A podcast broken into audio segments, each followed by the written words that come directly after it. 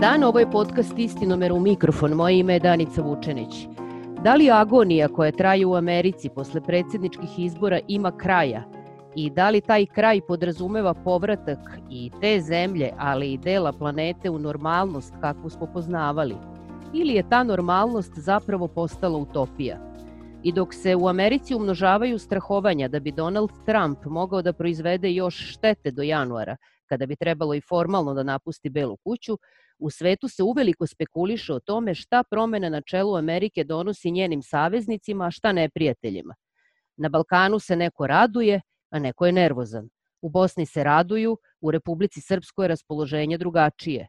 Predsednik Vučić je pokazao nervozu, jer je faktički podržao Trumpa kao nomad Hillary Clinton, pa se sad spekuliše da li je nervoza gluma ili za nju postoji razlog. U svakom slučaju ostaje pitanja da li je populista na čelu Bele kuće incident, da li se Amerika rešila svog populiste pa sad ostaje da se Evropa reše svojih autokrata i populista. Da li slobodni svet ponovo ima svog lidera, odnosno da li slobodni svet uopšte postoji na način na koji je postojao ranije. I ovo su samo neka od pitanja za profesora sociologije, politike i kulture na Univerzitetskom koleđu u Londonu, inače eksperta za jugoistočnu Evropu, Erika Gordija. E, profesore, mogu da dodam i stanovnika povremenog Beograda. Tako je. Lekoviti cinizam za poneti. Slušajte Ljubu Živkova, Retrovizor. Samo na Istinomer podcastu. Dobar dan, dobar dan i hvala, hvala što ste sa nama danas. Dobar dan. E, I sad ne mogu da odulim, a da ne počnem e, ovaj naš razgovor imajući u vidu da, da ste vi sada u Londonu, e, da pitam kakva je situacija, vidim da se zaključava cela Evropa, pratimo šta se dešava i u Britaniji i vi se zaključavate, kakva je situacija s pandemijom danas? Pa, Danas kao i juče, znači ponovo su uh, uveli neke uh, restrikcije, uh, ima veliki broj radnju koji, koji ne radi, uh -huh. uh, rečeno je ljudima da ostaju, mislim, koliko god je moguće u, um, u svojim kućama i ovo ima da, um, da traje. Mislim da je situacija dosta pogoršana uh, time što su otvorili i škole i, uh, i neke univerzitete um, kad nije bilo povoljno vreme za to. Mhm. I to je zanimljivo u stvari koliko je zapravo pandemija uh, danas, ja mislim u svakoj zemlji praktično, jednako zdravstveni koliko i politički problem, što potvrđuju i američki izbori, zar ne? To je uh, i politički problem i, i ekonomski problem, mm tako da um, vlada nastoji da, um, da umanje koliko je, um, je moguće štetu od, um, od zatvorenja um, uh, trgovina i tako, uh, time što um, restrikcije budu što blaže, a u stvari time prave veću štetu, jer to znači da će duže da traju. Da. I sada da, da se vratimo e, zapravo onoj temi koju sam, koju sam najavila, koja takođe ima veze sa pandemijom u neku ruku, kada je reč o američkim izborima, jer je pandemija bila jedna od ključnih tema Uh, makar Bidenove kampanje. Ali hajde da pričamo sad o posledicama uh, uh, tih izbora. Šta biste rekli, da li je slobodni svet pobedom Bajdena ponovo dobio svog lidera? Ne znam koliko je on spreman da bude lider slobodnog sveta, ali um, rekao bih da su uklonili uh, veliki problem time što na čelu mislim, jedne veće zemlje je bio čovek koji je, um, koji je bio nespreman, nesposoban i um, i uveliko u ideološkom smislu protiv toga da, um, da uopšte postoji slobodan svet. Uh -huh. E sad, da li e, kada govorimo o slobodnom svetu, ja sam u najavi postavila tu dilemu, da li taj slobodni svet uopšte danas postoji na način na koji mi zamišljamo uh, uh, da on treba da izgleda ili na način na koji je postojao? Pa mislim da ono što treba navlačiti je da um, iste društvene podele postoje u Americi kao i u evropskim zemljama kao što postoje na Balkanu. Znači da, mislim, sve će ovo biti prepoznatljivo vašim slušalcima, da um, je veliki jaz između urbanog i ruralnog stanovništva, da je um, jaz između onih koji um, prihvatiju modernizaciju, onih uh, kojima je strah od toga. Um, u Americi bih dodao još jednu stvar um, i to je da je um, glavni problem u čitavoj američkoj istoriji, mislim tako je bilo pre 300 godina, tako i sada, uh, jeste rasizam koji je povremeno um, stavljen pod kontrolom, uh, uh -huh. počevši od, uh, mislim, uh, pokreta za građanska prava 60. godina, ali nikad nije pobeđena. Sada je taj duh opet izašao iz boce i bit će teško um, da ga se vrati. Da, i sad, ali tu oko tog rasizma je takođe zanimljiva jedna stvar, da s jedne strane on postoji i on je vidljiv i svi smo gledali te rasističke ispade pre nekoliko meseci, a na drugoj strani Amerika bira e, za svoje, e, e, kako da kažem, lidere ljude drugačije boje kože. Jer da da je to neka, neka vrsta paradoksana? A, pa nije paradoks neko je opet znak koliko je um, društvo podeljeno. -hmm. um, znači, veliki broj ljudi, mislim, su um, sasvim, mislim, uh, voljni da prihvataju i različitost i, um, i, i promene u, um, u, u društvenom poredku i um, i jednakost u društvu, a isto tako veliki broj, verovatno otprilike iste veličine, um, to odbaci su, pa su napravili uh, um, tu um, uh, taj pokret uh, um, Black Lives Matter. Otpora, -huh. otpora, da, uh, ne, pokret otpora, um, mislim, protiv jednakosti. Da, da, da, da. A, naročito na, na, na jugu Amerike, ali ne samo na jugu, gde su, mislim, um, napravili paralelni sistem školstva, da, um, da njihova deca ne idu u, u škole zajedno sa, um, sa, sa decom iz, iz drugih um, etničkih grupa. Sve su to pokrili religijom i, um, i to je postao dosta jak pokret. Uh, mislim, jači nego što um, su ljudi očekivali. Da, i sad, uh, u stvari šta je, uh, kako da kažem, takođe, takođe zanimljivo i govori u prilog ove vaše teze o toj podeli. Kada su birači 2016. glasali za Trumpa prvi put, oni su glasali za neku promenu, pretpostavljam, mada je, elektori su ga izabrali, ali veliki broj ljudi je glasalo za njega želeći promenu, ne znajući šta sve tačno ta promena može da donese. Danas je više birača glasalo za njega, jer im se dopala ta promena Jel? Nije im smetao rasizam, nije im smetala politika koju on vodi u odnosu na američke saveznike, nije im smetao njegov odnos prema pandemiji. Dakle, oni su glasali za to što im se očigledno dopalo u prethodne četiri godine. A, znate, ja mislim da možda um, mislim preveliki značaj um, da se um, dodaje konačnim rezultatom. Ako gledamo rezultat od pre četiri godine i rezultat od ove godine, um, slični su rezultati. Znači, mm -hmm. uh, jeste veliki broj uh, ljudi glasao za Trumpa, ali još veći broj za, um, za protivnika, odnosno za protivnicu oba um, puta. Mislim, sada je razlika u tome gde se nalaze ti birači, um, ali, uh, ali to jeste, da, glavni problem sa kojim se suočimo je da, um, da ništa nije, um, niko nije odveo odlučnu pobedu, nego je, um, nego je društvo uh, podeljeno, izgleda da je podeljeno um, otprilike na pola. Da.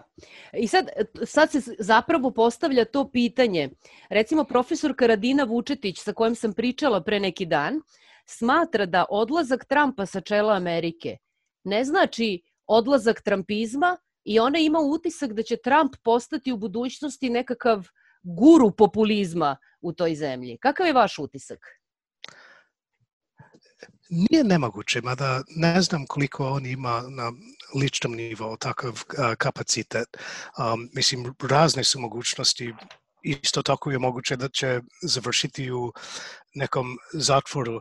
Ali ne znam um, da li ima smisla pričati o Trumpizmu. Mislim, nije on ništa smislio što je novo. Mislim, pre bih mhm. rekao da je on posledica urušenog sistema.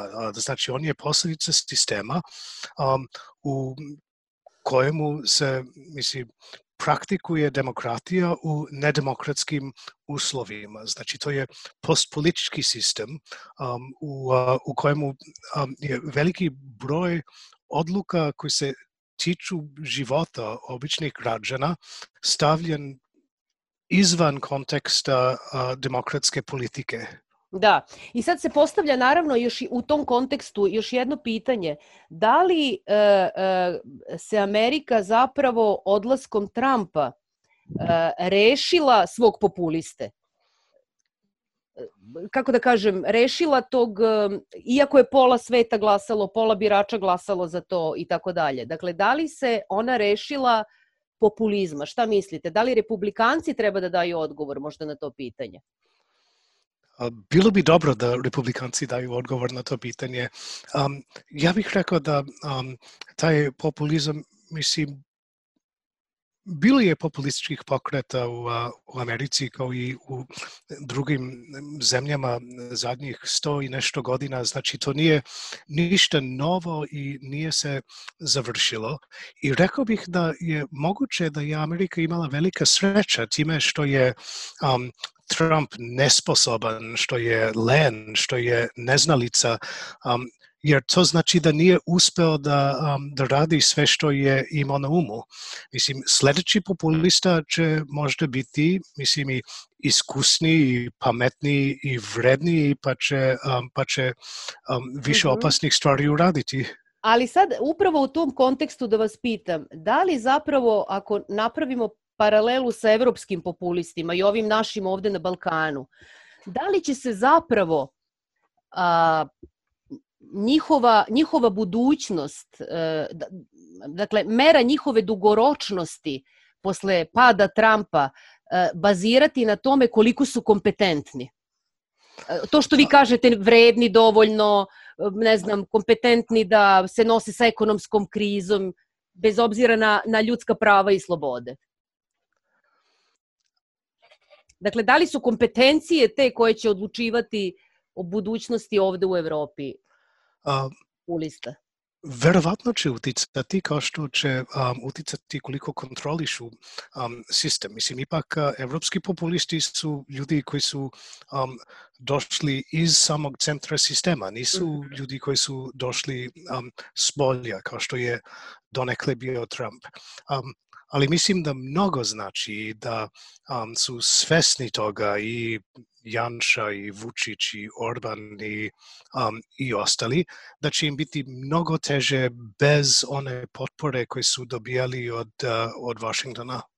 Da, da li, uh, recimo, uh, kako da kažem, da probamo da objasnimo sa to kako će izgubiti tu potporu od Washingtona. Biden je rekao uh, u najavama svojih prioriteta, pored pandemije, pored klimatskih promena, e, pored e, obnove savezništva sa Evropom, da mu je važno e, da se suoči sa nedostatkom demokratije u svetu i da ga brinu te autokratske tendencije. Dakle, da li će novi predsednik uticati na to da se demokratija u svetu, odnosno autokratske tendencije umanje, a demokratija poveća? Da li on može i na koji način da utiče? Pa, nadam se hoće još uvek ostaje otvoreno pitanje koliko će moći da utiče na, um, na tu situaciju. A od čega to um, i... zavisi? Od čega to zavisi? Zavisi od toga koliko će imati um, potporu um, u kongresu, naročito u mhm. senatu, gde se još uvek ne zna ko će formirati većinu. Zavisi i od toga, mislim, Biden je, za razliku od Trumpa, mislim, čovek sa iskustvom i sa znanjem, ali ne bih rekao da je čovek sa vizijom. Uglavnom je njegov svetonazor iz vremena hladnog rata. Um, pa ostaje da vidimo koliko će biti otvoren za um, sugestije za nekakvu novu spoljnu politiku koja će um, stvarno unaprediti demokratiju u svetu. Intervju Mikrofon. I sad, e, kada, dakle, kada govorimo o Bajdenu, ovde se pominje u Srbiji, e, pošto mi sve gledamo iz žablje perspektive, a, Ovde se pominje njegova uloga 90-ih, e, kada je bio senator, on je 93. prvi put došao na Balkan, posle čega je napisao jedan izveštaj u kome je ukazao da se da bi Srebrenica mogla biti nova Gernika za neko vreme, A, takođe se pominje njegova podrška bombardovanju, njegova podrška kosovskoj nezavisnosti, njegovo zalaganje da se naoružaju 90-ih e, e, muslimani u, u Bosni. Dakle, da li mi tog Bajdena sada dobijamo ili, ili nekog novog Bajdena, imajući u vidu okolnosti koje su se promenile umeđu vremenu? Pa ne znam da li postoji novi Bajden, ali postoji novo vreme, znači uslovi nisu, um, nisu isti. Tada se, uh, se vodio rat i uh, da, mislim, naravno da su neki njegovi stavovi iz 90-ih uh, bili, uh, mislim, dovedeni u pitanje, naročito u u Srbiji, među određenim ljudima u Srbiji, um, ali osnova toga je da je um, držao kao princip da spolna politika mora da bude uh, vođena brigom o, um, o ljudskim pravima i, uh, um, i bez straha o korišćenju sile za zaštitu uh, građana u vreme, u vremenu krize.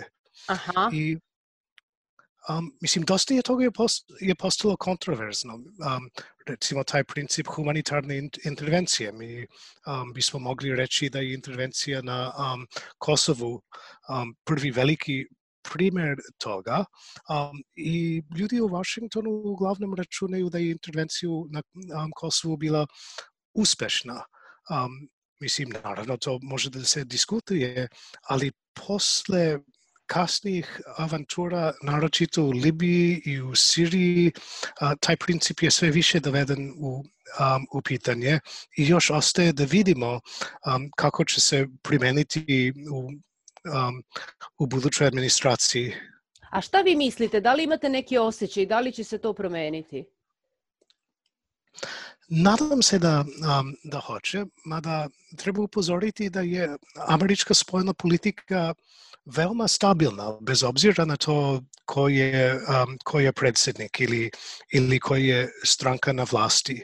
Um, jedini predsednik koji je pokušao to da promeni je bio Carter 70. godina i on je odustao od toga, morao je um, zbog uh, sovjetske invazije na Afganistan. Uh, znači, to je veliki posao, mada um, moguće je da je sada prilika, pošto je, um, pošto je State Department, znači um, um, Ministarstvo spoljnih poslova Amerike, upražnjen za, um, za vreme Trumpa. Ljudi su uveliko davali otkaze, mm. rekli da nisu mogli da rade sa, um, um, sa takvom administracijom, um, što znači da će Biden morati ponovo da konstruiše um, nekakav aparat u State Departmentu i nije nemoguće da će to raditi sa, um, sa vizijom i sa novom generacijom. Ne kažem da je, um, da je mnogo verovatno, ali nije nemoguće.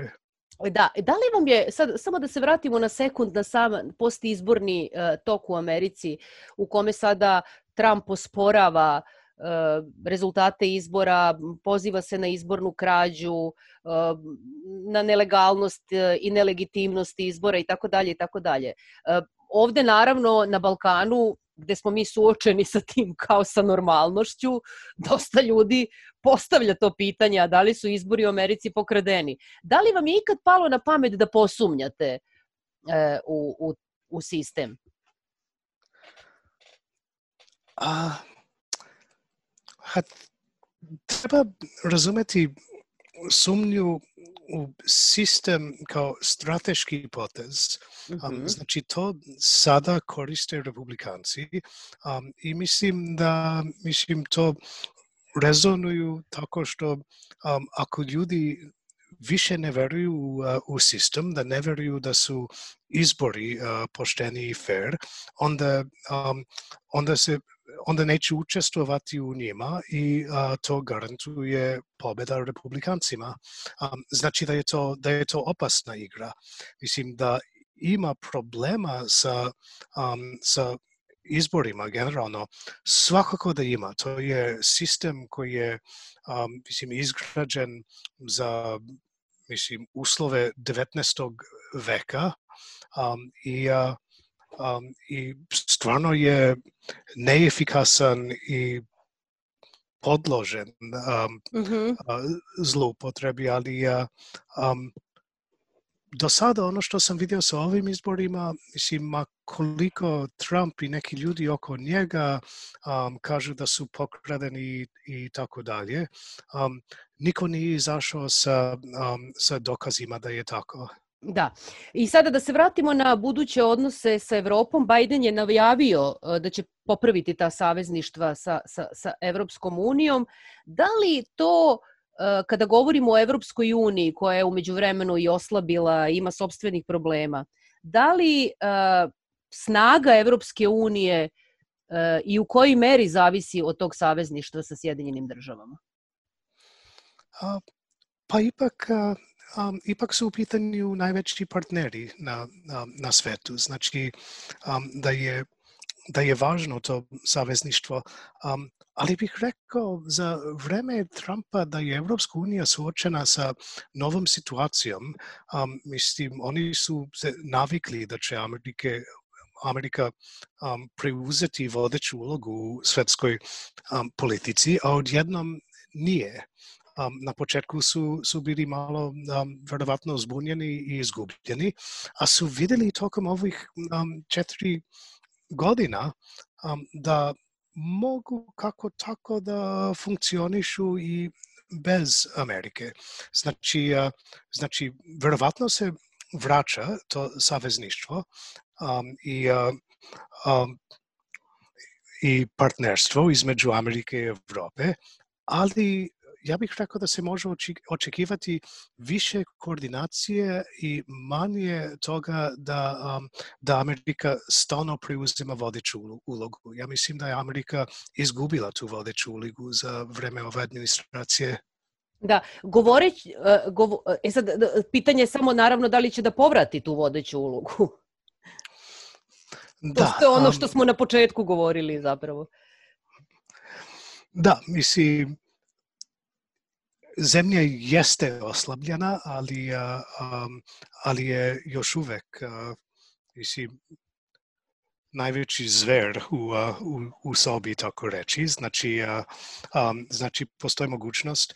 Um, doduše, rekao bih da ako su krize ovih uh, sadašnjih godina nešto pokazale, um, to je koliko je važna ta koordinacija. Da, jer u jednom trenutku se stvorila jedna pomalo absurdna situacija kada je reč o Balkanu. Da je Evropska unija počela da brine zbog trećih igrača na Balkanu, Rusije, Kine, ali i Sjedinjenih američkih država. E sad, da, kako da kažem, koje su takođe počele pod Trumpom da zauzimaju određene, određene pozicije na Balkanu, naročito kada je reč o preuzimanju primata u odnosima Kosova i Srbije. E sad, da li će ta briga prosto nestati? Da li će Američka prestati, Amerika prestati da bude treći igrač na Balkanu za Evropsku uniju pod Bajdenom? A, Koji je nepoželjan? da, da.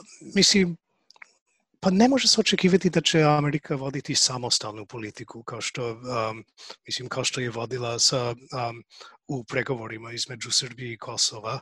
Um, ali mislim da test za to um, ćemo imati mislim ne toliko u vezi sa um, sa Kosovom. Mislim, ono što je urađeno i urađeno i mislim da neće imati velike posledice. Um, nego za um, Bosnu. Sada se um, govori o nekakvoj reviziji uh, um, sporazuma iz Daytona, naročito um, naročito reviziji Ustava iz, iz Daytonskog sporazuma. Još uvek ne znamo, mislim, koji akteri imaju kakve planove u tome, ali to će biti, to će biti veliki test. I to je naravno, i tu se sad postavlja pitanje šta će se dešavati sa Republikom Srpskom koja je zapravo Putinov igrač u Bosni. A... I kako će Dodik na sve to, kako će se ponašati? Da, mislim da tu nema velike misterije. Dodik će kao i uvek da se ponaša kao Dodik. da. I sada da se vratimo na, ove, na ovaj odnos populista u odnosu na populiste po Evropi. Rekli ste da je Trump, kako da kažem, van sistemski čovek koji je upao, parafraziram sad vaše reči, upao sad u sistem, a da populisti po Evropi su, uključujući i Srbiju, sistemski ljudi. Šta je, kako da kažem, kako sad da postavim pitanje, e, u dilemi sam, da li su ovi sistemski populisti snažniji od ovog antisistemskog? Da li mi imamo veći problem sa, sa, sa našim populistima? Ja, Ja mislim da jesu, jer su uspostavili kontrol nad, kontrolu nad sistemom. Znači imaju čitavu te neformalnu mrežu gde pripadnost uh, um, političkoj stranci uređuje um, i, um, i pristup poslovima i, um, i socijalnim beneficijama i, i tako dalje.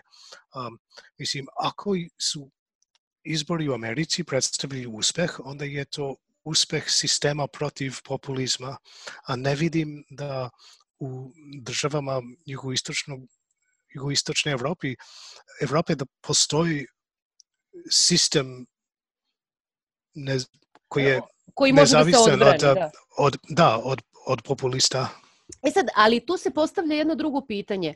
Ako Bajdenu postanu bitna E, bitne teme autokratija, ljudska prava, ako on u saradnji sa Evropom bude insistirao na tome, da li u tom smislu Evropa može snažnije da se suprotstavi populistima, populistima u svojim redovima i u redovima zemlja, u, u članic, e, zemljama koje pretenduju da budu, da budu članice Evropske unije, poput Srbije? Rekao bih da je jedan od uslova jeste, mislim, kakvu podršku će um, dobiti od, od Amerike za takvu politiku, ali drugi uslov još nije uh, popunjen, um, a to je da na evropskim izborima, na parlamentarnim uh, izborima u Evropi, da izgubi uh, svoju većinu EPP. Mm -hmm. Na, e, da, Narodna, Narodna, Narodna partija. I sad se tu naravno postavlja pitanje da ja sad uđem u žablju perspektivu. E, vi sami ste rekli da Evropa toleriše Vučića zbog Kosova, ako se ne varam. Jer je on da. obećao da će da. Da li mislite da će ovaj, kako da kažem, ova eventualna promena klime koja dolazi iz Amerike primorati na neki način i Evropu da prestane da podržava Vučića na način na koji ga je do sada, do sada podržavala? Ili će morati to Kosovo da se, da se završi pre toga? Da, mislim da preče pokušati da izvrši pritisak na Vučića nego da um, od njega podigne ruke. Zašto mislite da je to tako? Zato što nema alternative ili zato što je Vučić poslušan? A, zato što nema alternative i zato što je Evropa kao i uvek, a, mislim, da strahuje od, a, od promene. A zašto? A, pa, glavni princip im je, nažalost, stabilnost. Pa uvek kad, um, kad treba da biraju između demokratije i stabilnosti, biraju stabilnost. Mislite da će i dalje to biti ključna, uh, ključna kako da kažem, uh, potka u odnosu Evrope prema Balkanu? Stabilnost, da se mi ovde ne koljemo međusobno. Da, bit će, mislim, sve dok neko ne izađe sa, um, sa jasnim programom za, um, za unapređivanje demokratije u regionu, što podrazumeva i unapređivanje demokratije u Evropi. Da. I sad ima uh, ovde poslednjih dana, ne znam koliko ste uspeli da otpratite, znam da pratite na dnevnom nivou šta se ovde dešava. Uh, postoji ta, kako da kažem, dilema da li to što je Vučić podržao Trumpa na izborima praktično, može da ima bilo kakve reperkusije po njega, odnosno po Srbiju u kontekstu Bajdenove, Bajdenove pobede ili američkog predsednika zapravo baš briga šta misli lider jedne zemlje od par miliona ljudi? A, da, ako neko u regionu bude, mislim, doživeo posledice zbog podrške a, Trumpu, to će biti Janez Janša, neće biti Vučić. A, mislim da, a, da Vučiću očekuje pritisak iz drugih razloga. Mislim, prvo, um, mislim da će Biden hteti da ubrza pregovor, pregovori sa Kosovom. Um, mm -hmm.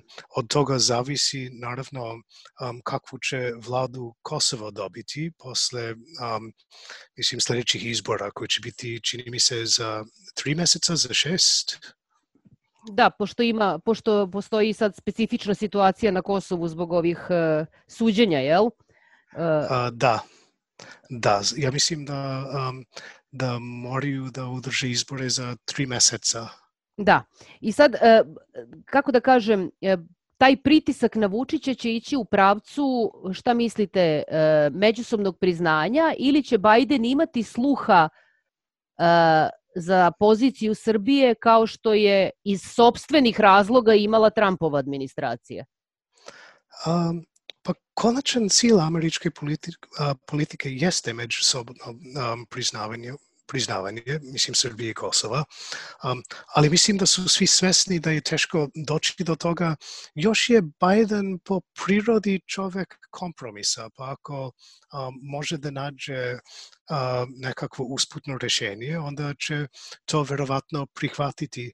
Um, a želim da kažem da još jedan izvor pritiska na, na Vučića će biti um, zbog uh, Bidenove veze sa, um, sa Bosnom. Ja mislim da će biti veliki pritisak da um, mislim, se uspostavi jasan odnos prema zločinima iz 90-ih godina. Mhm. Mm -hmm pogotovo što se sada otvaraju e, i zločini OVK i to na neki način obavezuje, ove oslobodilačke vojske Kosova obavezuje Srbiju i u kontekstu zločina na Kosovu i u kontekstu zločina u Bosni?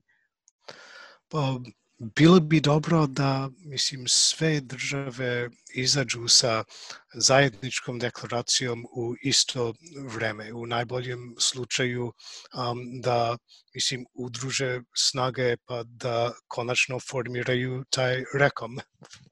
O, o, rekom koji 10 godina ne može da se formira.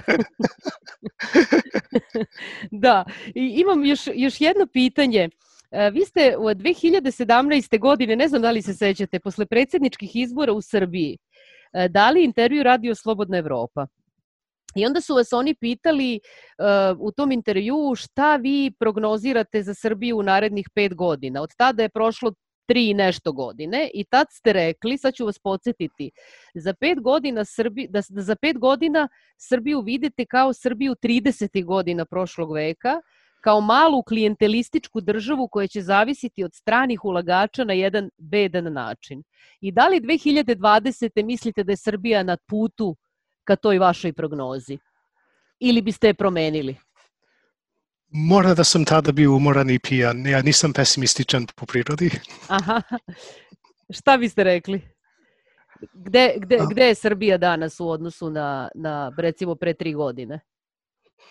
A, situacija nije bolja. Um, mislim, nije bolje što se tiče demokratije, nije bolje u ekonomskom uh, smislu, niti mislim, u odnosu sa Evropom, niti sa susednim državama. Uh, znači, otprilike je, um, uh, je sve isto. Uh, ono što je možda promenjeno je to um, da um, sve manje, mislim, Srbija kao i ostale države u regionu sve, u regionu sve manje zavisi od Evrope, znači imaju um, imaju drugačije mogućnosti pred sobom. Uh, ne bih rekao da su bolje mogućnosti, ali postoje. Mislite na Rusiju i na Kinu, pre svega? Na primjer, da. E sad, naravno, tu se postavlja, vraćam sad na to pitanje, nisam nameravala, ali hajde da pitam kada već pominjete Rusiju i Kinu. Vraćam sada tu tezu o Americi koja je bila viđena kao treći igrač kada je reč o Srbiji, naročito e, u kontekstu Vašingtonskog sporazuma. Da li mislite da je Vašingtonski sporazum koji je bio zapravo deo Trumpove kampanje, e, na koji su pristali Hoti i Vučić dobrovoljno, nešto što ima budućnost? A, mislim da će sada gledati na to, mislim, prvo će, um, će reći da, mislim, za veliki potez ipak su oborili, um, mislim, jednu uh, legitimnu vladu da bi, um, da bi to dobili, da su jako malo dobili. Znači, to uopšte nije ni sporazum, nego su dva pisma. Mislim, u diplomatiji bi se to zvalo pismo o namerama. I ono što je pozitivno je da um, su vlade Srbije i Kosovo stali iza toga da će nastaviti sa pregovorima. Sve ostalo mislim da neće biti mnogo od toga. Hvala, hvala profesore Gordi na, na ovom razgovoru. Hva, hvala vama. Čuli ste profesora Erika Gordija iz Londona i podcast Istinomera u mikrofon. Ponovo se čujemo sledeće srede. Prijatno.